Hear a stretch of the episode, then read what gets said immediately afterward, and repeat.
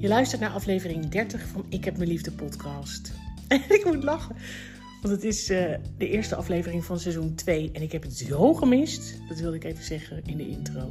Hupske, leuk dat je luistert en heerlijk om, uh, om weer in de microfoon te praten. Wat ik deze week met je wil bespreken is een hele bekende uitspraak van John Lennon. Life is what happens to you while you're making other plans of while you're busy making other plans. En vooral ook uh, hoe dat dan vervolgens voelt als het anders loopt dan je had bedacht. Um, en hoe ongelooflijk lekker het is om te doen wat je leuk vindt. Nou, dat lijkt me genoeg voor uh, de komende 20 minuten. We gaan het zien.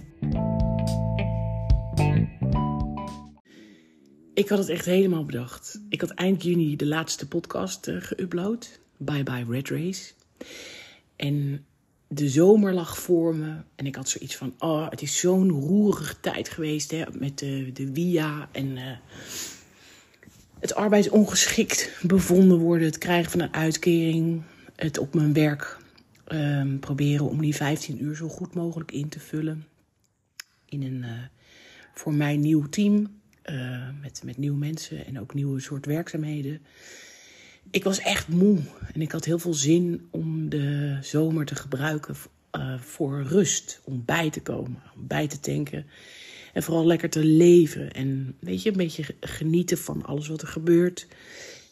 Proberen om mijn werk een beetje op de rit te krijgen.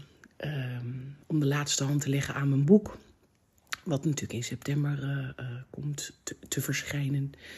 En gewoon lekker een beetje vreubelen, weet je. De boekomslag moest nog worden gemaakt. En uh, ik wilde veel in de tuin gaan werken, in de tuin zijn, wandelen, bewegen. Heel relaxed. Gewoon met de focus op rust en vertragen. Zalig. En het liep even anders. Jezus. Vandaar ook de titel natuurlijk van deze podcast. Holy shit. Wat er gebeurde was het volgende. Dat boek, dat had ik natuurlijk allemaal heel leuk bedacht. Van, uh, dat ga ik dan allemaal zelf doen. Ik ben door zeven uitgeverijen afgewezen. Uh, ik ging het dan zelf doen. Dus dat betekent dat ik binnenwerk. Dus de, de teksten die, als jij het gaat lezen, straks uh, gaat zien. Um, helemaal goed zelf opmaken. Zorgen dat er een goede PDF gemaakt wordt. Zorgen dat nou, het, het, het taalkundig natuurlijk allemaal oké is. Nou, best nog wel even een, een, lekkere kluif. En daarbij moest er ook een, uh, een omslag worden om, uh, ontworpen. En dat uh, ging ik ook wel even zelf doen, had ik bedacht. En ik merkte dat ik dat toch allemaal eigenlijk best wel heel spannend ook vond. Dus ik had natuurlijk 7 keer 9 hoort. En dat gaf bij mij natuurlijk ook heel veel ruimte. Of niet natuurlijk, dat gaf bij mij ruimte voor... Nou, ook wel weer even mijn belemmerende overtuigingen die om de hoek kwamen zeilen. Van weet je wel zeker dat je dit wilt doen? Weet je wel zeker dat er überhaupt mensen op zitten te wachten?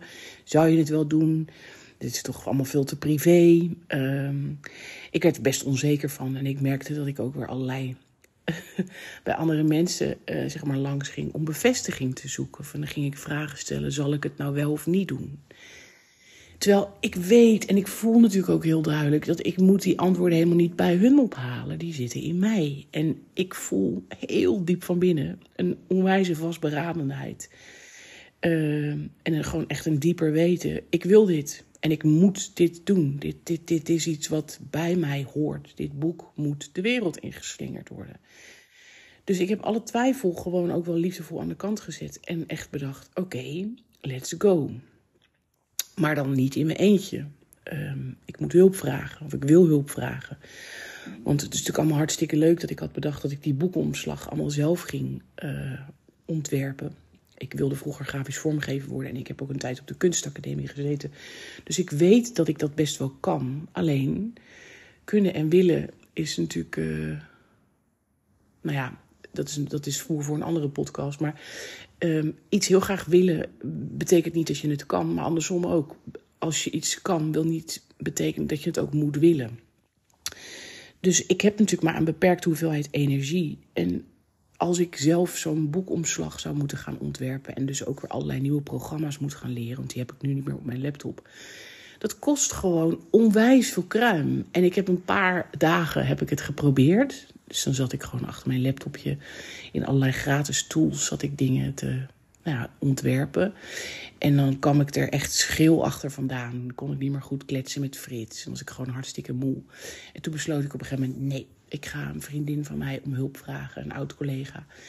En die gaat voor mij dus de boekomslag verzorgen. Ongelooflijk fijn en ook spannend, vindt ze zelf ook heel leuk. Dus we gaan dat samen doen. Wat een opluchting ook meteen gaf dat. En, en, en verlichting toen ik dat had besloten. Dus dat boek. En het enige wat ik nu zelf nog hoef te doen, en als ik dat zeg moet ik ook lachen. Het enige, dat is echt natuurlijk nog best wel veel, is bedenken hoe ik het straks natuurlijk gewoon ga verkopen. Dus wat een soort marketingplan. Weet je, hoe kunnen mensen het bestellen? Waar? Hoe werkt dat dan? Ehm, als ik er zelf berichtjes over ga maken, uh, hoe, hoe, moeten die dan eruit zien? Uh, ga ik bijvoorbeeld ook nog bladen benaderen? Uh, zijn er bepaalde websites die ik kan benaderen waar ik mezelf kan promoten? Dat is natuurlijk genoeg stof tot nadenken en ook überhaupt om het straks te doen. Dus ik heb daar, mijn, ehm, ik heb daar een behoorlijke kluif aan. En heel leuk, maar wel even iets anders dan ik had bedacht. Dat is het eerste. Een ander ding uh, wat anders liep dan ik had bedacht, was mijn werk. Het ging helemaal niet goed.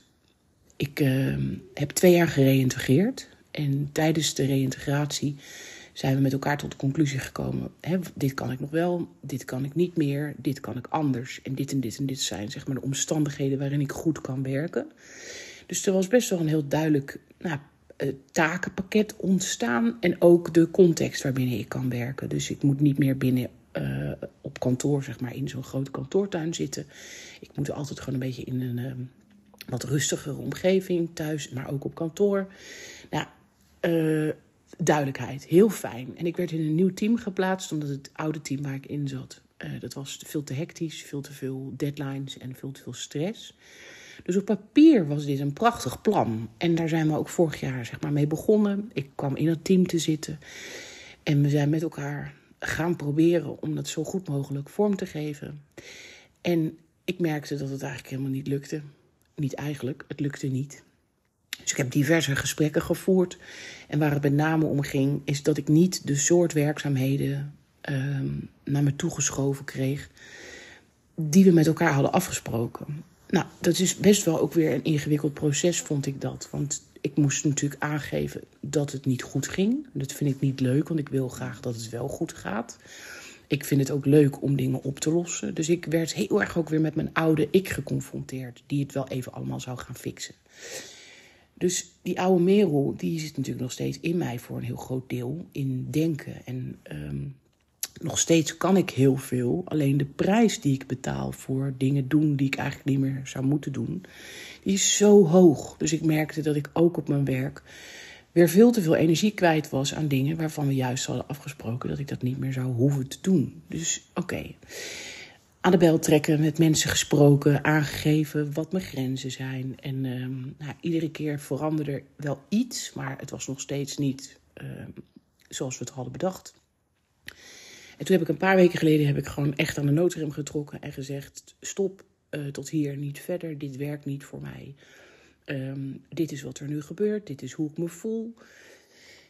Uh, ik heb hulp nodig. Dit, uh, dit, dit wordt hem niet. Nou, met het risico, en dat vond ik natuurlijk best wel heel spannend, dat als ik nu zou zeggen dat ik het niet kon, dat het niet lukte, of dat er sowieso gewoon niet genoeg werk mijn kant op kwam, en het werk wat mijn kant op kwam, was niet het goede werk, um, hadden ze natuurlijk heel goed kunnen zeggen, mijn werkgever, van ja, uh, vervelend voor je, maar dan houdt het op. Dit is wat we hebben. Dus ik had al helemaal bedacht van dan moet ik weer terug naar het UWV en dan ben ik volledig, hè, krijg ik gewoon mijn hele uitkering, moet ik wel weer dat hele proces door. Best wel veel zorgen ook weer even, en, of stress en onrust. Dat is een beter woord, onrust. En wat gebeurde er nou in het gesprek wat ik dus voerde met twee uh, uh, dames, twee uh, collega's van mij, die mij daar nou, bij konden helpen? Was fantastisch. Ik heb gewoon heel rustig uitgelegd van, hey, dit is waar ik vandaan kom, dit is wat we destijds hebben afgesproken met de bedrijfsarts, en dit is wat ik goed kan, dit is wat ik graag wil, en dit is wat er nu eigenlijk misgaat. En zij reageerde zo ongelooflijk empathisch en begripvol, maar ook meteen met hup, actie in de taxi. En die vrouw heeft mij dus uit mijn team gehaald. En we hebben meteen, en we hebben met elkaar besproken van, oké, als dit het dan niet is, wat dan wel? En dat gaf me zo'n enorme boost ook in mijn zelfvertrouwen en ook weer ook in mijn hoofd qua rust. Van hé, hey, zie je wat tof, het houdt niet op nu, nog niet. We gaan gewoon onderzoeken wat dan wel. En ze spraken ook nog steeds weer het vertrouwen ook naar mij uit dat ze me heel graag willen houden. En, want iedereen ziet wat ik kan en waar ik goed in ben. Dat zie ik zelf ook. En dat verkoop ik ook steeds. En dat vertel ik ook aan mensen. Maar het is natuurlijk wel fijn als je een plekje krijgt, of als ik een plekje krijg, waar ik dat ook daadwerkelijk kan doen. Nou ja, goed, dat is nu, uh, daar zijn we nu mee bezig. Dus ik ben weer in een ander team geplaatst. En we gaan de komende maand, of, of weken, maanden, gaan we dat rustig met elkaar vormgeven. Hoe dat dan zo goed mogelijk kan werken voor beide partijen. En dat is echt heel prettig. Maar goed, het zorgde er ook wel voor dat ik uh, op dit gebied niet aan het uitrusten was, maar weer moest bouwen. En dat brengt me naar het volgende onderwerp, wat ook niet helemaal liep zoals ik had bedacht. Dat was mijn uh, jaarlijkse MRI-controle om te kijken of de MS stabiel is. Elk jaar is dat zo. En dan uh, is er altijd echt rondom, zeg maar, het, het, uh, het MRI-moment is altijd even spannend. Word ik ook altijd weer even gecheckt in het ziekenhuis, bloed en urine. Dus dan ben ik me even weer extra bewust van het feit dat ik wat mankeer. En dan ben je toch ook weer vaker in het ziekenhuis, wat toch ook altijd een bepaalde energie kost. Uh, en weet je, daar ben ik inmiddels wel een klein beetje aan gewend. Maar dat blijven toch wel rare momenten, vind ik ook in het jaar. En wat er nou gebeurde was dat ik lag in de MRI. En dan uh, kreeg ik een week daarna volgens mij de uitslag van de neuroloog. En de neuroloog, Frits en ik zaten allebei daar. Dus altijd fijn dat ik hem mee kan nemen. Dat je met z'n tweeën toch net even wat andere dingen hoort. En elkaar ook kan opvangen en steunen. Dat is gewoon heel fijn. We zaten tegenover haar natuurlijk met uh, enigszins een soort van uh, zenuwachtig gekriebel van wat zal ze gaan zeggen. En ik, ik voelde me de, zeg maar die periode voelde ik me niet zo goed. Dus ik had veel last van mijn MS, veel klachten, veel uh, ja, gekke pijntjes en, en dingen. Dus ik had zoiets van, ja, weet je, wat betekent dit hele stukje nou van, van wel of niet stabiel? Ik had me daar van tevoren best wel druk over zitten maken. Want ik dacht, stel nou dat ze zegt het is niet stabiel, dan zou dat eventueel kunnen verklaren waarom ik me zo voel. Weet je, en dan is dat natuurlijk niet prettig, maar dan kunnen we er misschien wat aan gaan doen. En als ze zegt, je bent stabiel of de MS is stabiel, wat, wat vind ik daar dan van? Hoe voelt dat dan voor mij? Want ik heb heel veel last elke dag. En uh, wat betekent het woord stabiel dan? En natuurlijk kan ik rationeel wel verklaren, uh, zeg maar dat, natuurlijk is stabiel prachtig en goed en liever dat dan actieve MS. Maar de waarde, zeg maar emotioneel gezien, ik zat daar echt onwijs mee te stoeien. Lang verhaal kort.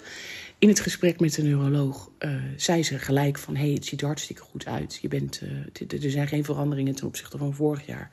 Dus de MS is stabiel, hartstikke fijn. En toen keek ze me ook echt aan met zo'n grote glimlach van... dit is toch topnieuws? En ik, kom, ik dacht alleen maar, ja, leuk voor je, maar ik voel hem even niet. En ik ben toen echt een tijdje ook best wel bozig geweest omdat ze ook alle andere klachten die ik beschreef niet kon verklaren. En toen dacht ik, wat is dit nou eigenlijk allemaal voor kutzooi? Echt gewoon zo. Dus ik zat er een beetje narig in. Kostte me ook erg veel energie. En ik vond ook het contrast zelf best wel groot. Vorig jaar, toen ik de eerste keer die controle had... Uh, en we dus inderdaad met z'n allen uh, hoorden dat de, de MS stabiel was... stond ik echt te huilen in de tuin van blijdschap. En voelde ik me heel euforisch en Weet je, dit was het beste nieuws wat we maar konden krijgen. En nu was ik er bozig om en narrig. Ik vond het ook best wel interessant. En nog steeds. En ik heb het ook gewoon gelaten. Dat is blijkbaar even wat, uh, wat het is. Maar goed, dat was dus niet echt een um, rustig moment of zo. Nee, helemaal niet zelfs. Plus wat er daarna ook nog gebeurde, is dat ze in het gesprek zei de neuroloog op een gegeven moment ook tegen mij: Ben je eigenlijk bij een fysiotherapeut? Loop je bij een fysiotherapeut? Ik Nee, uh, niemand heeft mij tegen mij gezegd dat ik dat zou moeten doen. Ik zou niet weten waarom eigenlijk. Dus nee, je hebt best wel wat klachten ook in je heup. Ik, heb, ik vertelde aan haar dat ik best wel last heb van zenuwpijn. Uh, steken in mijn, uh, in, mijn, in mijn heup, in mijn bekken. Nou, allemaal van dat soort dingen. Zei ze, ga, ga daar maar naartoe. En toen zei ze, daarbij is het fijn dat hij of zij um, je ook kan gaan monitoren. Want ik zei de hele tijd tegen haar dat ik het idee had dat ik achteruit ging. Maar zij kan niks met mijn emotionele relaas, zeg maar. Zij kijkt heel erg naar feiten. Dus ze kijkt naar de MRI, naar de scan van mijn hoofd. En als daar zeg maar aantoonbaar iets op wijzigt, dan is er voor haar sprake van achteruitgang of nou, zoiets. Uh, of er moeten cijfertjes zijn, hè, dus van mijn bloedwaarde of urinewaarde. Maar als ik zeg dat ik voel dat, dat het niet oké is, daar kan zij niks mee. Nou, dat begrijp ik aan de ene kant. Aan de andere kant vind ik dat ook maar gewoon suf. Maar goed, dus ik dacht, oké, okay, meten is weten. Laten we vooral naar een fysio gaan. Die gaat dan ook kijken, hoe is het met mijn stabiliteit? Kan ik goed mijn balans bewaren? Hoe is het met mijn kracht? Is die inderdaad aan het afnemen? Wat natuurlijk veel mensen met MS ook hebben. Zijn er spierverkrampingen? Gewoon, we gaan daar naartoe heb ik meteen een hele fijne fysiotherapeut gevonden hier in uh, uh, Geertruidenberg. En tijdens de eerste sessie met deze meneer gingen we natuurlijk allemaal dingen doornemen en ook mijn hulpvraag bespreken. En in de sessie daarna uh, heeft hij me geanalyseerd, dus gekeken hoe ik loop, hoe ik beweeg en alles. En toen zei hij dus dat ik een klapvoet aan het ontwikkelen ben. En dat is waarschijnlijk dus al sinds uh, 2021 zo, sinds ik aan de linkerkant van mijn lichaam uh, halfzijdig verlamd ben geweest. Heb ik zo'n knauw gekregen, natuurlijk fysiek, maar ook mentaal. Dat ik ook mijn linkerbeen gewoon, daar kon ik toen niet zo goed mee meer lopen. Dat was ook toen heel erg verkrampt. Um, tijdens de revalidatie ben ik daar ook aan geholpen. En sindsdien ben ik dat been een beetje gaan ontzien. En dat is natuurlijk heel mooi van ons lichaam. Dat gaat dan op allerlei andere manieren gaat zich dat dan nou, zeg maar herstellen en opvangen en uh, zich ermee bemoeien. Maar dan krijg je natuurlijk op andere plekken krijg je veel meer druk en uh, je, er ontstaat een disbalans. En dat is te zien en daar gaat hij mij bij helpen. Maar ik dacht wel echt, Jezus, een klapvoet, ook dat nog. Lekker uh, allemaal. Dus dat hielp ook echt niet. Nou, okay, nu kan ik erom lachen, wat je merkt. Want het is een onwijze fijne vent en we doen hele fijne oefeningen. Hij helpt me heel goed en ik voel me ook alweer een stuk zekerder. En ik ben er pas een paar weken. Dus alle vertrouwen dat dat uh, me heel veel gaat brengen en ook al heeft gebracht. En wat nou het mooie is, is dat zeg maar tussen al deze happenings door, hè, dus dit waren dingen die ik niet had voorzien, niet had bedacht, um, pruttelde het in mijn hoofd enorm. Ik had onwijs veel ideeën. Ik wilde heel veel stukken schrijven. Misschien uh, wil ik nog wel een boek gaan maken. Uh, ik had hele leuke onderwerpen voor deze podcast. Dus die, moet, die schrijf ik dan altijd op in mijn telefoon. En dan werk ik al sommige stukjes uit. Dus ik wil heel graag dingen maken. Um, wat heel fijn en heel leuk is, maar ook weer lastig. Want ik heb maar natuurlijk maar een beperkte hoeveelheid aan energie. En ik moet ongelooflijk goed bedenken, waar focus ik me op? Waar besteed ik mijn energie aan? Nou ja, daar had ik dus op, zeg maar, door kunnen gaan mopperen van uh, ik kan toch ook niks en uh, wat ik wil kan ik niet. Maar dat is helemaal niet zo. Wat ik me dus nu juist realiseer van de afgelopen maanden is dat ik ongelooflijk trots ben en blij ben met het leven wat ik heb gecreëerd voor mezelf. En dat klinkt natuurlijk gek omdat ik net aan het mopperen was, maar ik denk dat je mijn punt wel begrijpt. Is, ik heb de afgelopen jaren heel veel dingen aangepast en, en een draai eraan gegeven. Um, ik ben van binnen heel erg veranderd en dus is mijn buitenwereld ook veranderd. Ik ben heel veel van mezelf gaan houden, om wie ik ben. Ik hou heel erg veel van de mensen om me heen. Uh, en ja, sommige mensen zijn iets naar. Een, zeg maar, zijn verplaatst hè, van, van wat dichtbij naar wat verder weg. Uh, er zijn andere mensen voor in de plaats gekomen. Maar overal uh, heb ik zulke fijne mensen om me heen waar ik heel veel van hou. En zij houden heel veel van mij. Ik hou van wat ik doe, van wat ik nog wil gaan doen en waar ik van droom. Um, weet je, het maakt me blij. Ik, ik praat, ik schrijf, ik heb lief. Ik help andere mensen, ik help mezelf en ik ben aan het verbinden. En dat is zo'n bizar mooi gevoel. En dat zorgt er dus voor dat ik, als ik nu zo terugkijk, dat ik overal kan zeggen dat ik uh, blij ben met hoe het nu gaat. En iets anders wat ik me dus op dat moment realiseerde, toen ik aan het terugkijken was naar wat er deze periode nou is gebeurd. En dit heb ik ook, nou niet, niet gillend, maar wel echt heel blij ook uh, aan Frits verteld op het moment dat ik me dat ineens besefte. Is dat vroeger had ik regelmatig last van het imposter syndrome. Dus dan was ik uh, vooral met werk gerelateerd. Ehm, dan, dan was ik ergens of dan was ik iets aan het doen. En dan had ik best wel vaak het gevoel van ik val zo meteen door de mand. Of straks komt iedereen erachter dat ik eigenlijk helemaal niet kan waar ze me voor hebben aangenomen. Of dat ik minder goed ben. Of uh, weet je, heel onzeker. En dat, uh, dat gebeurde regelmatig. Maar nu, wat ik al eerder ook zei, voel ik een soort vastberadenheid is er in me gekomen. Ben ik heel zeker um, over mezelf en ook over, ja, over wie ik ben, waar ik voor sta, maar ook dus wat ik doe. Ik ben er is een soort gepassioneerdheid in me gekomen. Ik voel me ook heel creatief. En dat is echt lang geleden. Dat heeft jaren, is dat een soort van nou, uh, bedekt geweest. En dat laagje is er afgestoft. En ik laat dat er helemaal zijn. En uh, dat is echt zo. Uh, ja, prachtig. En, en het, alsof het stroomt door mij heen. En dat is ook echt zo, denk ik letterlijk. En het mooie is ook nog dat los van al deze fijne gevoelens heb ik zeker nog af en toe hè, een vleugje angst of een vleugje onzekerheid. En blijkbaar kan dat dus allemaal naast elkaar bestaan.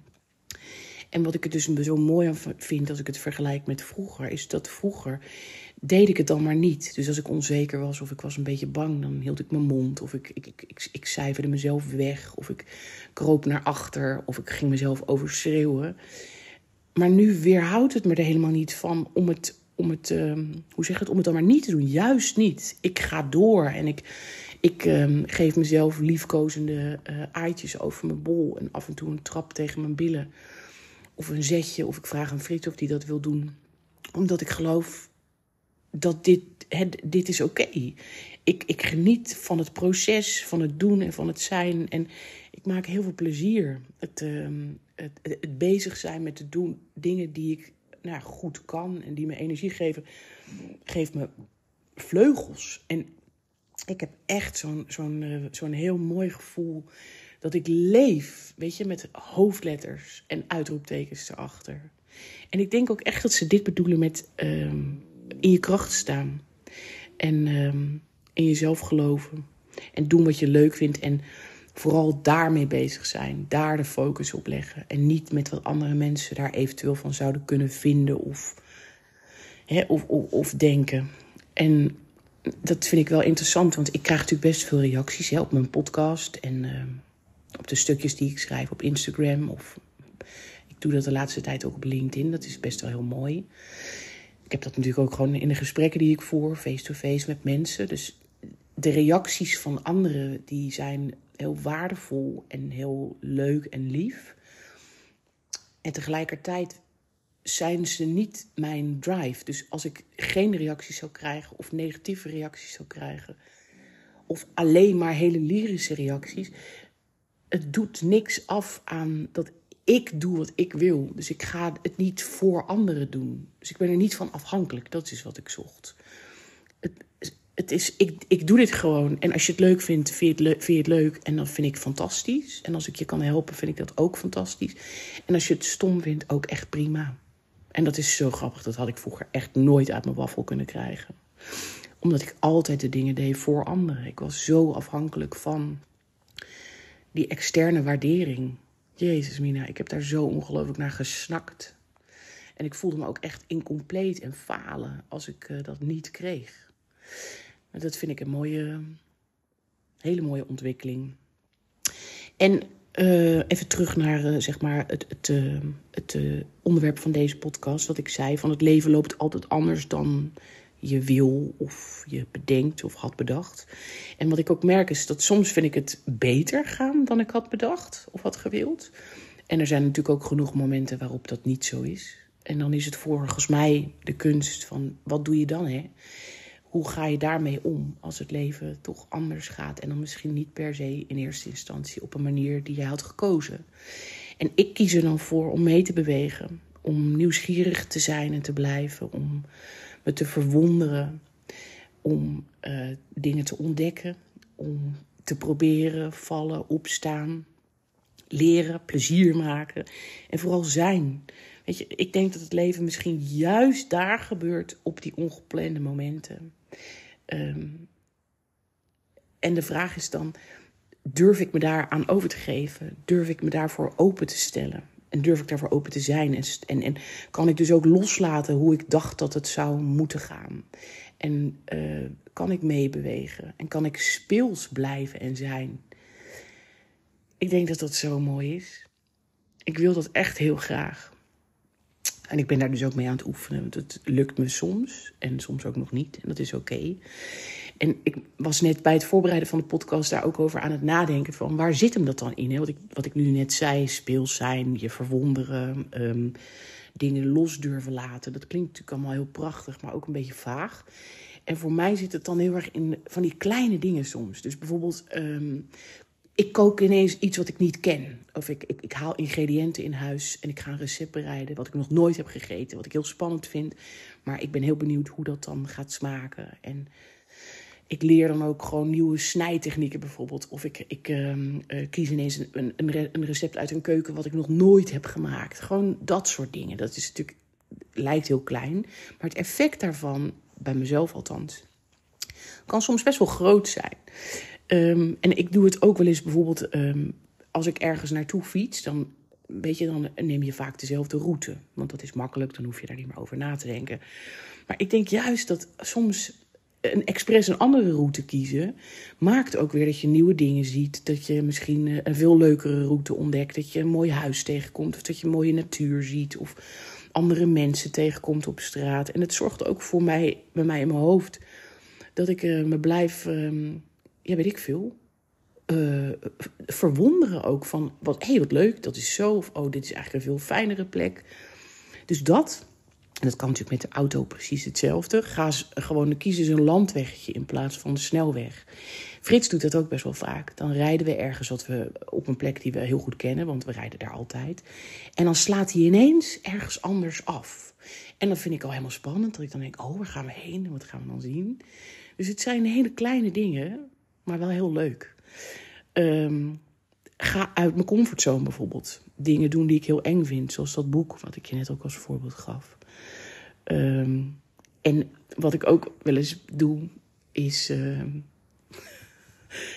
dingen waar ik me eigenlijk een beetje voor zou schamen of zo. Of, nou, dat, uh, ja, eigenlijk wel. Dus uit je comfortzone. Uh, dingen die je nooit zou doen, is bijvoorbeeld um, hup op, ik, ik, ik huppel wel eens op straat of dansen op straat. Of um, wat ik laatst deed toen ik het ziekenhuis uitliep, dat ik uh, voor de deur van het ziekenhuis onwijs ging schudden als een hond om al die energie, zeg maar, uh, dat negatieve uh, even uit me te laten, de spanning. En er staan allemaal mensen naar me te kijken en het interesseert me dan echt helemaal geen ene reet. Um, wat ook heel leuk is, is bijvoorbeeld als je langs een speeltuin loopt, heb je dan toch van die speeltoestellen voor kindjes. Ga er zelf eens op zitten. Ik, ga er wel, ik doe er wel zo bij een schommel bijvoorbeeld. Gewoon zitten en even schommelen. Maakt niet uit of mensen kijken. Wat voor gevoel geeft het mij? Dat vind ik dan heel leuk. Uh, of uh, als ik aan het fietsen ben, schreeuwen onder een tunnel. Dat doen ook volgens mij vooral kleine kindjes. En ik vind dat ook nog steeds leuk om die echo te horen.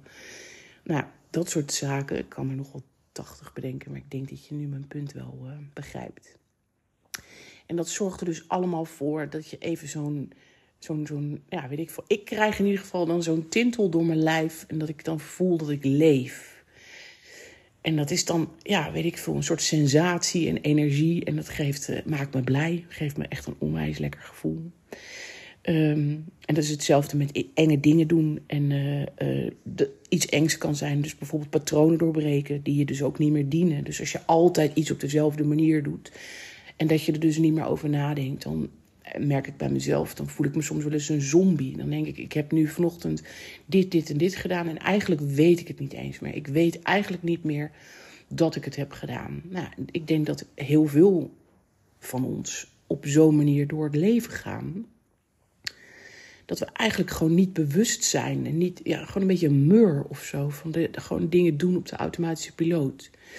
Ik zeg niet dat het slecht is, hè, maar ik heb er wel voor gekozen om dat niet meer te doen. Althans, om me meer bewust te zijn van de ogenschijnlijk kleine dingen. Omdat ik daardoor veel meer in het moment kan leven en veel meer kan genieten.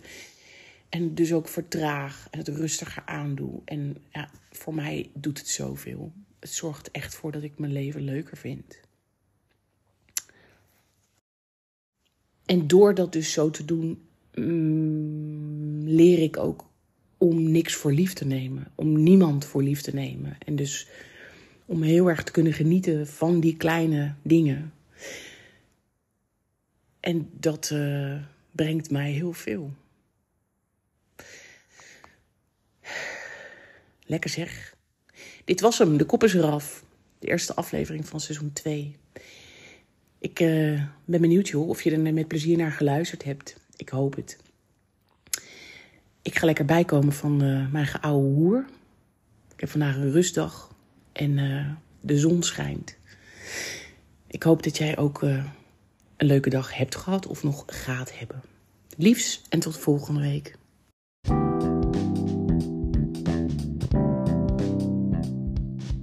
En dan tot slot nog een vraag aan jou. Het zou mij ongelooflijk helpen. En vooral dan het bereik van de podcast vergroten. Als je hem liked en volgt in jouw favoriete podcast-app. Als je dat doet, dan kunnen er steeds meer mensen naar luisteren. En dat lijkt me zo gaaf. Dankjewel.